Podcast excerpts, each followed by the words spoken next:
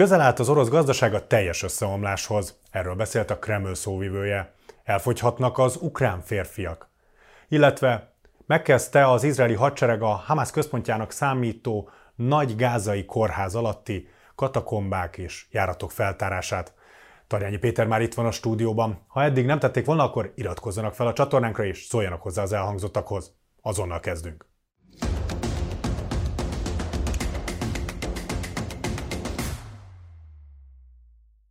Szia Péter, köszöntelek itt a stúdióban. Én is üdvözlök mindenkit. Érdekes dolgok történtek ezen a héten is, de mindközül talán a legérdekesebb az, hogy a Kreml szóvivője arról beszélt, hogy, hogy nagy, nagyságrendileg egy évvel ezelőtt nagyon közel állt a sorozatos szankcióknak köszönhetően Oroszország gazdasága a teljes összeomláshoz, és hát azért érződik a narratívából, hogy ez igazából egy önmagukat dicsérő interjú, mert most már azért látszik az, hogy egyrészt túlvészelték, másrészt egész jól is teljesít az orosz gazdaság.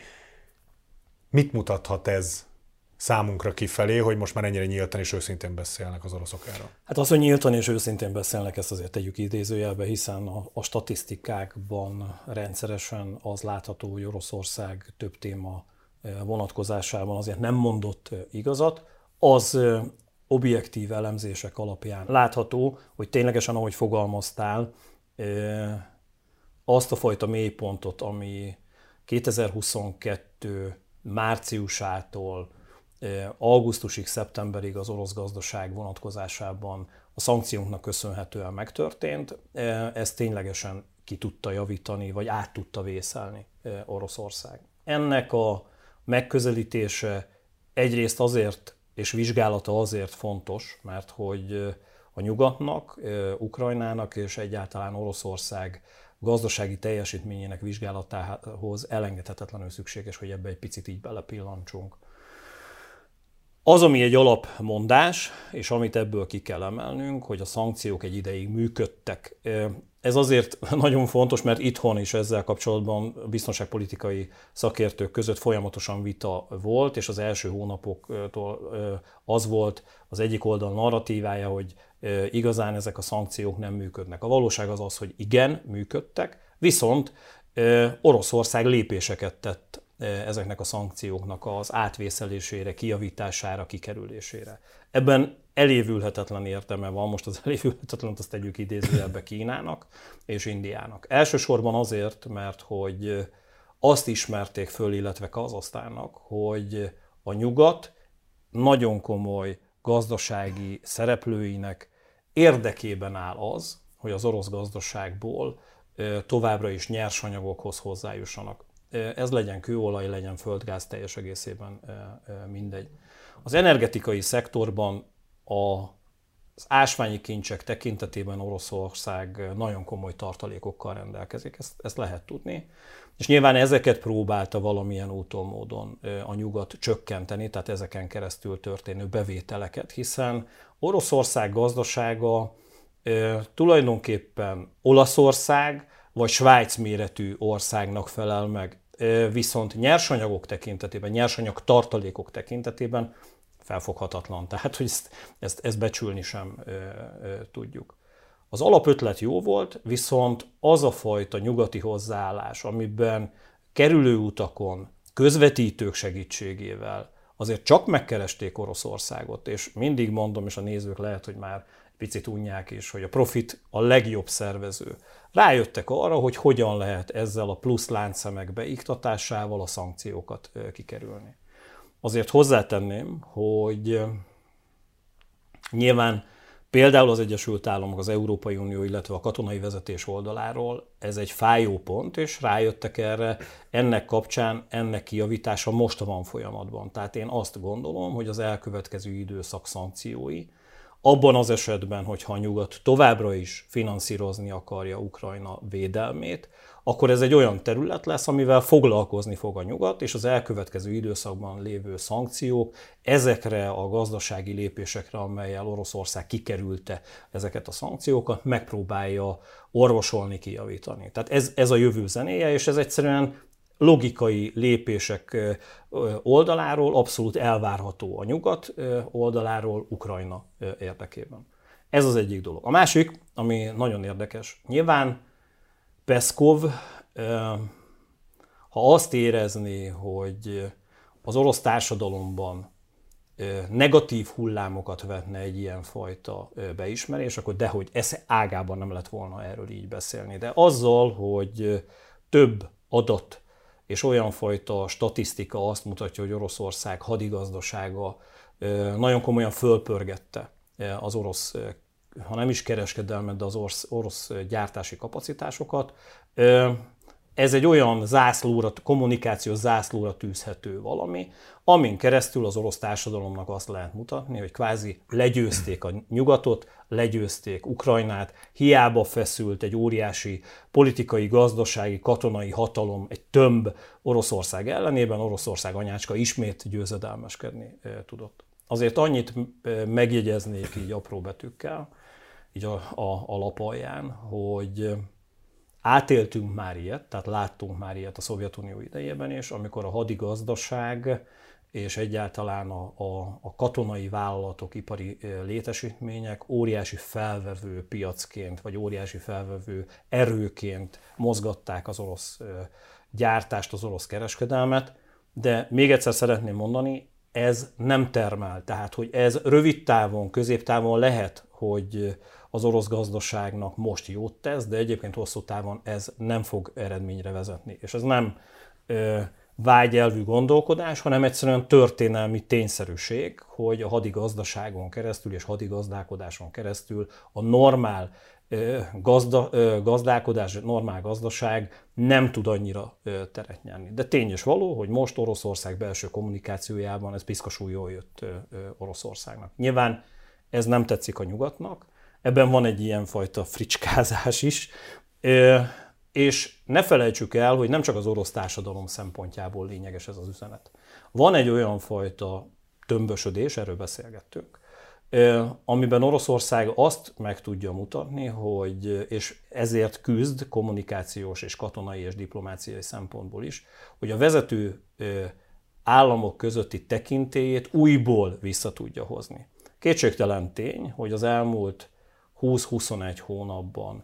Az a fajta hozzáállás Oroszországhoz, nem csak a nyugat oldaláról, hanem a, a környezetében, akár Kína, akár India, de a latin-amerikai országok részéről is, hogy Oroszország egy legyőzhetetlen nagyhatalom, az megtépázódott olyan szempontból, hogy egy 40 milliós ország képes az orosz haderőt feltartani, képes harcolni Oroszország ellenében, nyilván ennek milyen áron, tehát hogy erről majd úgy is beszélgetünk, de amikor ilyen üzeneteket tud közvetíteni a világ felé Oroszország, hogy nézzétek meg, nehézségeink voltak, de mégis győztünk, ennek külpolitikai és diplomáciai eredményei is lesznek. Az egyik dipl- ilyen diplomáciai eredmény lehet az, hogy például Olaf Scholz, német kancellár ugye bejelentette, hogy ismét tárgyalóasztalhoz szeretne ülni és egyeztetni Putyinnal. Vladimir Putyinnal. Azért ez bármennyire is Scholz elbagatelizálta a saját szerepét, de azért ez nem kis dolog, hogy az egyik legnagyobb. Igazán az egy válaszút előtt vagyunk, és ugyanúgy, mint hogy az előző adásban, még mindig nem látjuk felszállni a, a ködöt a tekintetben, hogy az Egyesült Államok finanszírozási oldalról mit lép Ez Ukrajna tekintetében. Igen. Annyiban azért a mai nap, és akkor áruljuk el a nézőknek, hogy hétfő van. Ma a kora reggeli órákban az Egyesült Államok védelmi minisztere megérkezett Ukrajnába. Pontosan azért, hogy ezeket a kérdéseket végig tárgyalja, hogy hogyan folytatódik a háború. Az már látható, hogy a háborúhoz kapcsolódó finanszírozási keretrendszer kimerült. Tehát, hogy azt, azt teljes egészében elköltötték, úgymond az ukránok, vagy lehívták az ukránok. És arról beszélnek, hogy mármint az amerikaiak, hogy nagyon bíznak abban, hogy karácsonyig, tehát december közepére, végére valahogyan egy újabb forrást képesek lesznek biztosítani. Ezért érdekes az, és ezért akarja tudni a német kancellár, hogy mi van Oroszország vezetőjének fejében, és ez egy puhatolózó tárgyalás. Egyrészt azért, amit te is mondasz, hogy hogyan lehet itt a háború következő időszakát fölmérni, és vezetési oldalról tervezni e tekintetben, de közben nézi Európa, nézi Németország is. Ukrajnát és az Egyesült Államokat, mert nem mindegy, és hogyha most megnézzük az elmúlt egy hét történéseiben, a múlt héten beszéltünk arról, hogy 4 milliárd euróról 8 milliárd euróra emeli Németország az Ukrajnának szánt katonai segélyeknek az összegét. Megközelítőleg van egy ilyen minimum és maximum határ. A maximum határ az körülbelül ilyen 100-106 milliárd, amire 2023. decemberétől 2024. decemberéig a hadi ipari költségekre és a, a hadsereg működtetésére szüksége lenne Ukrajnának. Ez a, ez a teteje az összegnek, és van egy alsó határ, ez megközelítőleg ilyen 65 és 70 milliárd dollár között van. Ez próbálja a Vészter oldaláról összehozni Németország, és ezért mondom azt, hogy az elmúlt héten Macronék, tehát Franciaország is, illetve Hollandia is elkezdett azon gondolkodni. Hollandia hát egy relatíve kisebb összeggel, tehát ők egy ilyen két-három milliárd euróba. Maguk hát szintjén. igen, a maguk szintjén egy két-három milliárd euróval kívánnak ehhez hozzájárulni. Franciaország oldaláról megközelítőleg egy hasonló összegben gondolkodnak, ők még nem jelentették ezt be, de erről tárgyalnak Franciaországban a katonai vezetők, illetve a politikai vezetők, ami arról szól, vagy azt jelzi, hogy azért Európa próbálja ezt összesakkozni, és én, ha most azt kérdeznéd tőlem, hogy mi az, amire számítok, egy ilyen furcsa hibrid megoldásra, amiben az Egyesült Államok is ad pénzt, nem teljes összeget, tehát nem olyan nagyságrendben, mint amit így gondoltunk, de az Európai Unió országainak, vagy a NATO partnereken keresztül az európai országok ki tudják egészíteni ezt az összeget. És ez az, ami így formálódik, és ebben véleményem szerint ezt jelezni akarja a Németország kancellárja Vladimir Putyinnak, hogy hogy ezek a gyűjtési folyamatok így folytatódnak, illetve éppen folynak, amit én azt gondolom, hogy Oroszország pontosan tud. Itt az elkövetkező hónapokban az a fajta összeomlás, amit másfél héttel ezelőtt például itthon is több szakértő előrejelzett, szerintem nem fog bekövetkezni Ukrajna oldaláról, mert azzal, hogy megérkezett a, az amerikai védelmi miniszter, és az első mondata, tehát a leszállás után az volt, hogy folytatni fogja az Egyesült Államok Ukrajna támogatását, ez egy nagyon komoly üzenet volt, de készül már a vészforgatókönyv, hogyha valamilyen összeggel vagy összegoldaláról kevesebb lenne az amerikai támogatás, azt valahogyan Európa ki tudja egészíteni. Igen, de talán az összeomlás az, hogyha anyagi oldalról nem is, humán erőforrás oldalról megvalósulhat, Igen. mert ugye azzal kapcsolatban egyre több hír, egyre több forrásból lát napvilágot, hogy elfogyhatnak a hadrafogható ö, ukrán férfiak, ö, akiket a, a, a frontvonalra lehet terelni, Ugye egyrésztről a számok, nagyjából az adatok, amikből lehet tájékozódni, azt mutatják, hogy van már 100, több mint 130 ezer halottja Ukrajnának, és több mint 200 ezer sérültje még emellett, akiket nyilván tartanak, tehát azért ez már több mint 300 ezer érintett, és emellett pedig még akik a frontvonalon vannak. Itt majd egyrészt beszéljünk erről is, de a másik, ami még érdekesebb, hogy arról a gazdasági vonatkozásról, meg társadalmi vonatkozásról egyáltalán nem esett szó idáig, vagy nem beszéltünk, hogy hogy olyan, ö, olyan ágazatokban, olyan területeken kellett most már az ukrán társadalomnak nőket alkalmaznia, ahol korábban soha, vagy akár mondjuk ez Magyarországon elképzelhetetlen, hogy mondjuk a bányaiparban a bányászok között nőket alkalmaznak, korábban fodrászokat, vagy, vagy a szépségiparban dolgozók, most jelen pillanatban a bányában dolgoznak, vagy, vagy az építőiparban is nők kezdenek el dolgozni. Hogy ez, ez egy évtizedekre meghatározó gazdasági átalakulást hozhat, és fog hozni egyértelműen ez a háború, bárhogy ér véget. Vagy Nézd, ezért mondom mindig azt, hogy a háború az egy pokoli valami, mert hogy ténylegesen egy eh, komoly és folyamatos háborús összetűzésnek alaphozadéka, hogy generációk tűnnek el. Az, amit most Ukrajnában látsz, és amiről beszéltél, ebben annyit pontosítanék, hogy a 100 ezer fölötti halott, tehát ez 70, tehát több becslés van, a másik becslés ugye a legalsó szám az ilyen 65-70 ezer, de akkor is 65-70 ezer halott, tehát hogy, és általában ugye a halottakhoz kapcsolódóan minimálisan két-háromszoros a sebesültek száma, ami azt jelenti, hogy az a generáció, tehát a 18-20 éves generációtól mondjuk a 30-35 éves generációban, tehát a, a leginkább ö, egészséges, leginkább hatrafogható, leginkább termelőképes. férfiak generációjában a sebesülésekkel együtt alaphangon 3 és 300 ezer és 450 ezer ember között, akik tartósan kiestek a termelésből. És emellett, így ahogy fogalmaztál, vannak azok a férfiak, akik a fronton vannak és szolgálnak, most lehet, hogy nem az első vonalban, de akkor sem végeznek termelői tevékenységet. Itt egy érdekes összehasonlítást hadd mondjak. 2022 augusztus a környékén látott napvilágot az első adat, hogy az akkori mozgósítás alapján körülbelül 650-700 ezer főt mozgósított addig Ukrajna. Ez idén, tehát 2023. februárjára már milliós nagyságrendet, tehát ilyen 950 ezer és 1 millió férfit jelentett, és idén, tehát 2023. augusztusában megközelítőleg 1,3 millió emberről beszéltek. Tehát Ukrajna, tehát nem a külső szakértők, nem Oroszország, hanem Ukrajna ezt mondta el.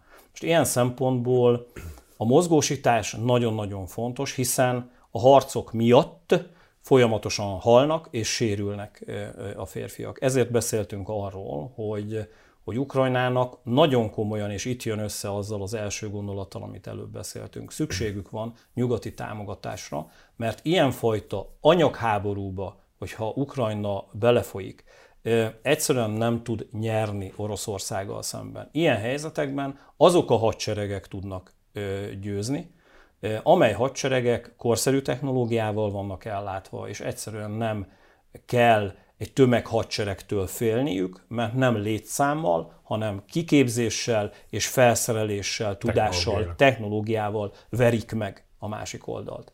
Ebben is van egy ilyen billegés, és ezért továbbra is azt mondom, mint múlt héten, hogy fordulóponthoz ért ez a háború, és kritikus helyzet van, mert hogy ha megint csak számok oldaláról nézzük, csak a háború első egy hónapjában azokban a térségekben, ahol Oroszország támadásokat hajtott végre, illetve elfoglalt területeket, pokoli pusztítást végzett. Gondoljunk például Mariupolra, ahol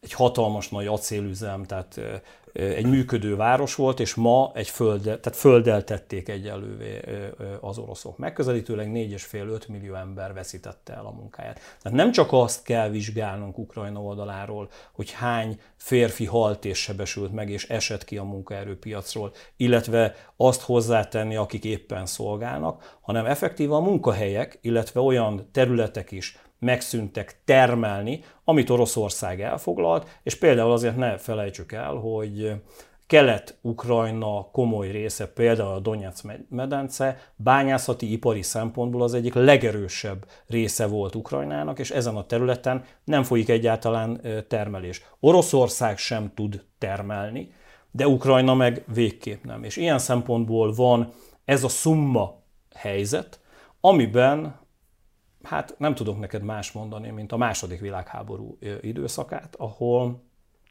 mind a Szovjetunió területén, mind Németországban, Magyarországon is, az Egyesült Államokban is a gyárak, a bányák, az ipari létesítmények a nők segítségét kérték, és kísérteties a hasonlóság, mint ami akkor történt, hogy akkor is repülőgépeket szereltek össze nők a második világháború idején, bányákban dolgoztak, és most ugyanezt láthatjuk Ukrajnában.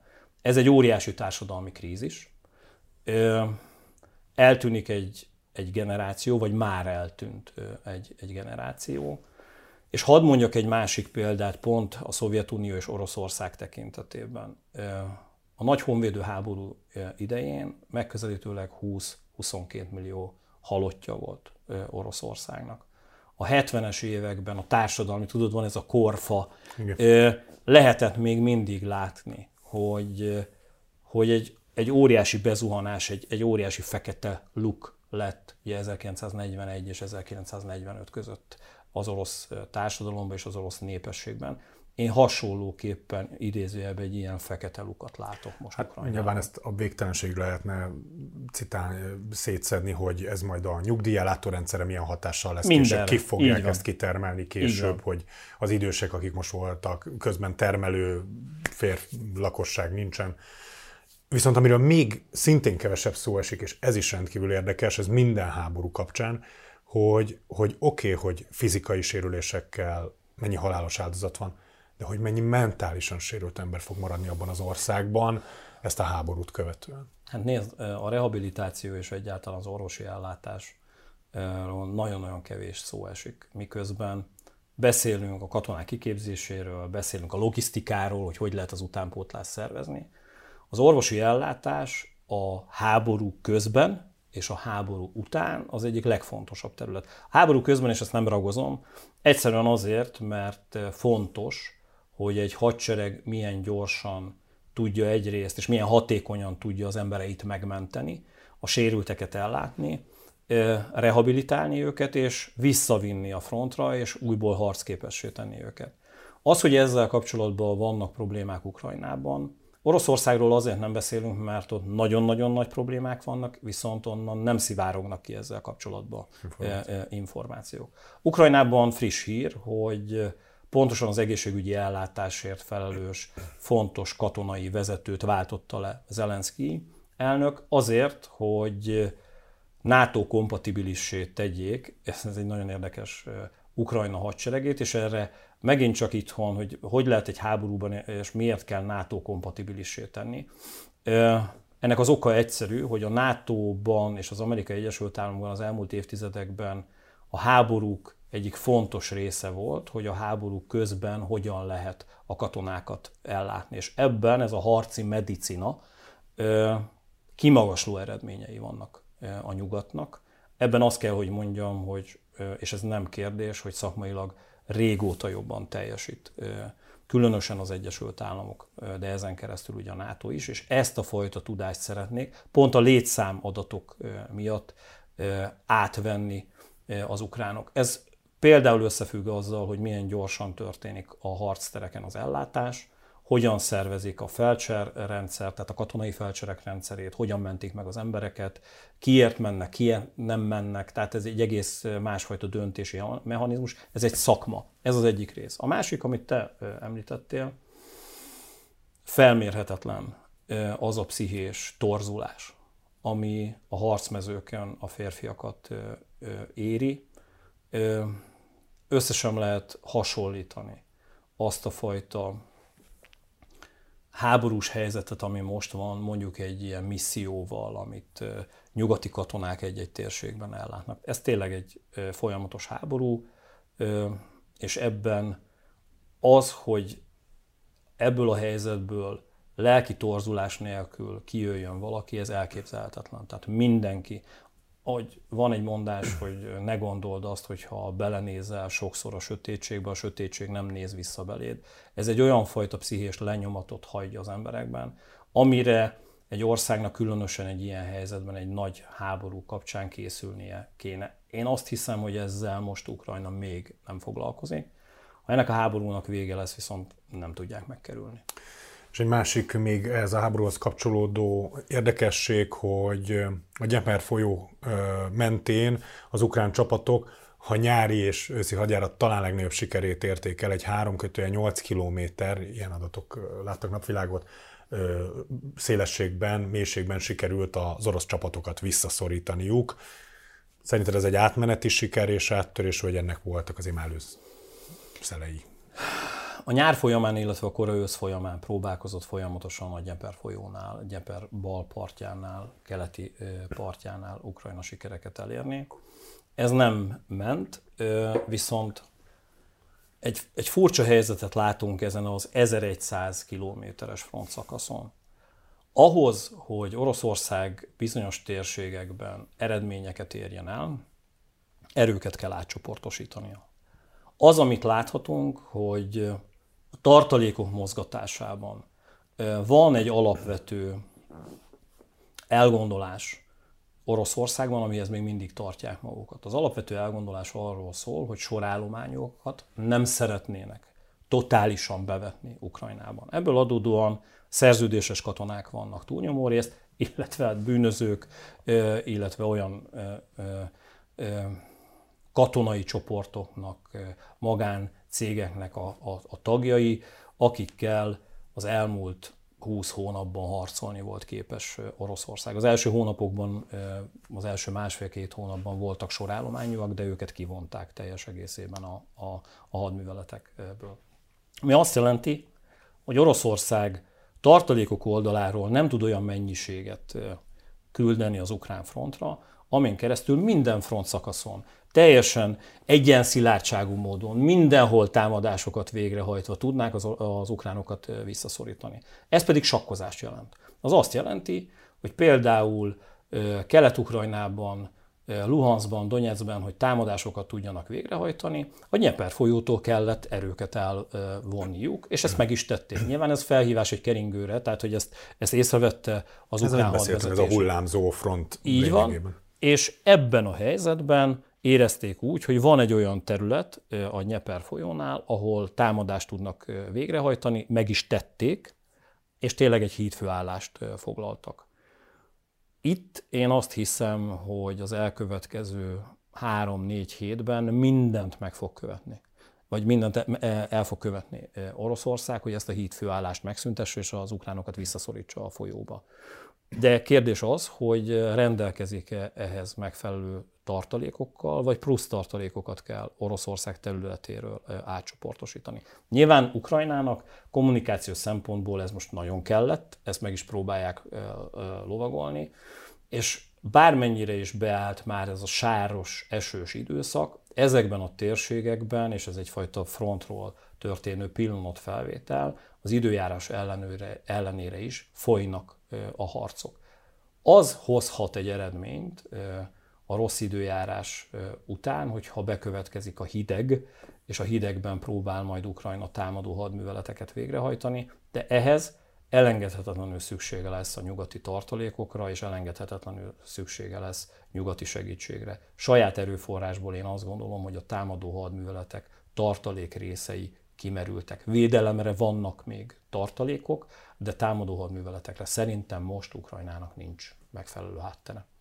Közben ugye a másik háborúban, ami zajlik, és amiről beszélünk hétről hétre, ugye az izraeli haderők szépen fokozatosan nagy nyomás alatt tartják ugye a Hamaszt, és haladnak előre. Ugye korábban már bejelentették, hogy a főhad, feltételezett Hamas főhadiszállásra akarnak behatolni, ami ugye a legnagyobb gázai kórház alatt található katakombákban van. El is kezdték ennek a behatolását, feltárását, ennek nagyon komoly humanitárius része van, hogy ki kellett üríteni a kórházat, rengeteg embert, akik folyamatos ellátásra szorulnak, el kellett onnan szállítani. Ezzel kapcsolatban inkább az a része érdekes, és erről beszélünk szerintem most, hogy, hogy felmerült bennem, hogy be kell menni azokba az alagutakba mindenképpen, ha igen, miért? Nem lenne egyszerűbb egy, egy várakozással, kiéheztetéssel, kivéreztetéssel megoldani ezt a konfliktust, fel kell válni mindenképpen az alagútharcokat? Ez egy nehéz helyzet, mert a városharc egyik legnehezebb területe az, amikor szűk helyen a föld alatt kell hadműveleteket végrehajtani.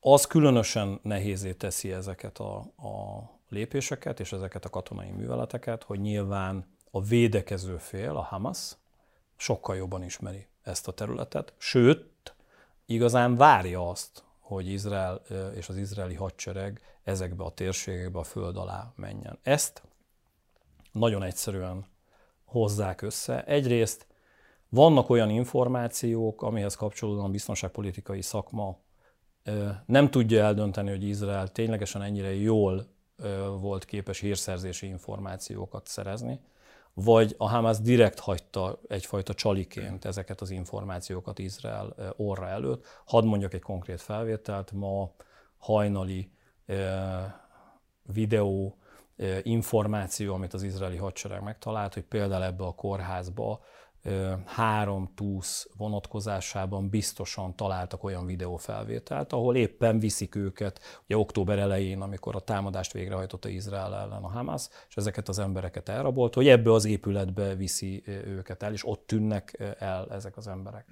Ami azt jelenti, hogy amikor egy ilyen videófelvétel megjelenik, és hatszor a fénysebességgel megkerüli a bolygót, és mindenhova eljut, teljesen joggal azok a családok, akiknek a családtagját azonosították a videófelvételen, kezdenek el azért dörömbölni és kiabálni, hogy mentsék meg. Volt is egy több ezres felvonulás, ugye Így van.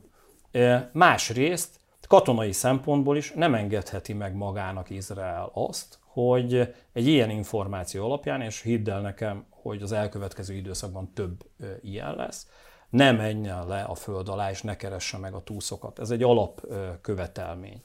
Az a baj, hogy ha túszmentési szempontból nézzük csak, tehát nem csak az általános katonai hadműveletek szempontjából, hanem csak hogyha egy túszmentési akció lenne, Izrael nem teheti azt meg, hogy ne tegye ezeket a, a lépéseket, és ne menjen le a föld alá, és ne keresse meg ezeket az embereket. Az a baj, hogy ezt a Hamas tudja és várja őket. Ha terrorelhárítási szempontból nézem, az, amit te vársz és te kérsz, ez a tervezett végrehajtás, amikor egyszerűen kisakkozod, és van annyi időd, hogy a számodra, tehát a támadó számára legkedvezőbb feltételrendszer mentén történjen meg a támadás. Egy nagyon fontos része a terrorelhárítási műveleteknek, hogy az ilyen zárt helyekről valahogyan kimozgatni a terroristákat, hogy ne kelljen bemenni. De ezt ebben a helyzetben nem lehet megtenni. és van, túszok vannak nála. Így van, van egy másik rész, ugye ez a halaszthatatlan vagy azonnali végrehajtás, amiben ha folyamatosan egyfajta Damoklész kardjaként ott lebeg a fejed fölött, műveletirányítóként, katonaként, az, hogy bármikor kivégezhetik a túszokat, sőt, bizonyos helyzetekben ezt meg is teszik, vagy elkezdenek erről fenyegetéseken keresztül, kommunikációnkon keresztül a, a, a világot értesíteni, azt a parancsot fogod pillanatok alatt kapni, hogy menj be, és menj meg a túszokat. Ugye az a kapcsolatban is látott napvilágot hír, hogy, hogy egy amerikai férfit, az egyik túszt megtalálták, akit még a támadás az elrablás éjszakáján kivégeztek, tehát hogy számon tartották, és sajtó volt azon a listán, amin a túszokat nyilván tartják, és erről is mi is beszéltünk korábban, hogy azt hiszem nem lehet tudni, hogy mennyien vannak még életben a túszok közül, azokat a felvételeket leszámítva, amik most napvilágot láttak, ahogy vonzolják el őket. Ez folyamatosan zavaró, tehát miközben Katár közvetít a felek között, az Egyesült Államok és Izrael oldaláról folyamatosan kérés az a túsztárgyalás során, hogy mutassák meg a, a, a túszokat. Nagyon érdekes, hogy az esetek 90%-ában a Hamas ettől elzárkózik. Tehát ez, és egyszerűen a realitás oldaláról kell azt mondanom, és nem elkefteleníteni akarok, vagy ilyen hideg zuhanyként hatni bárkire, de nagyon komolyan a forgatókönyvek között magas százalékkal ott van, hogy a túszok jó része nem él, ugyanúgy, ahogy ez az amerikai férfi is október elején, közepén már meghalt. És olyan halott túszokkal próbál alkudozni a Hamász, akiket vagy a Hamász végzett ki, vagy nem menjünk el amellett, hogy az izraeli légicsapásokban, katonai műveletekben haltak meg. Tehát ez egy nehéz helyzet, viszont a Hamas folyamatosan föntartja azt a, azt a kommunikációs és tárgyalási pozíciót, amiben azt mondja, hogy mindenki ép és egészséges. Úgy most is volt ugye egy ember, akihez kapcsolatban azt mondták, hogy egy izraeli légicsapás miatt halt meg, de hogy a túszok többsége megvan, épségben van, ezen keresztül lehet a normál hangot fenntartani, és, ami nagyon lényeges, lassítani az izraeli hát Élő pajsként használni Így őket. Van. Ugyanúgy, ahogy ezt teszik, tették és teszik a civil lakossággal Így is, van. hiszen azzal kapcsolatban is látott ugye hír napvilágot, hogy konkrétan a Hamas olyan civilek közé lőtt, akik megpróbáltak elhagyni a gázai övezetet. Nézd, ez egy nagyon nehéz helyzet. Azt gondolom, hogy a katonai műveletekben Izrael sikereket fog elérni. Nem tudok időt mondani.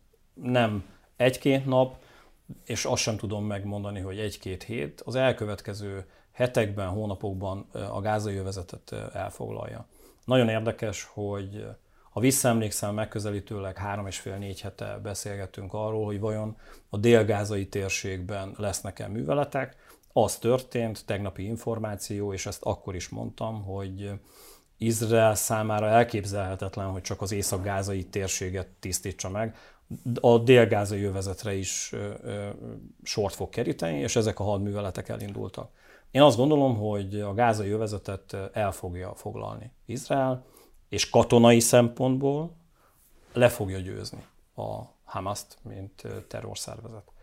önmagában azt, hogy föld alatti mozgalomként működjön, ezt, ezt nem fogja tudni el lehetetleníteni. És itt jön az a kérdéskör, amihez kapcsolódóan az ATV-n volt egy egészen jó interjú, interjút adott Netanyahu szóvivője, ahol kérdés volt az, hogy mi lesz abban az esetben, ha, ha, be, ha, ha, ha ez bekövetkezik, hogy történik a, a rendezés, a rendeződés. Nagyon érdekes volt, amit a szóvivő elmondott, hogy kategórikusan kizárta azt, hogy bármilyen palesztin politikai erőnek átadja Izrael a stafétabotot.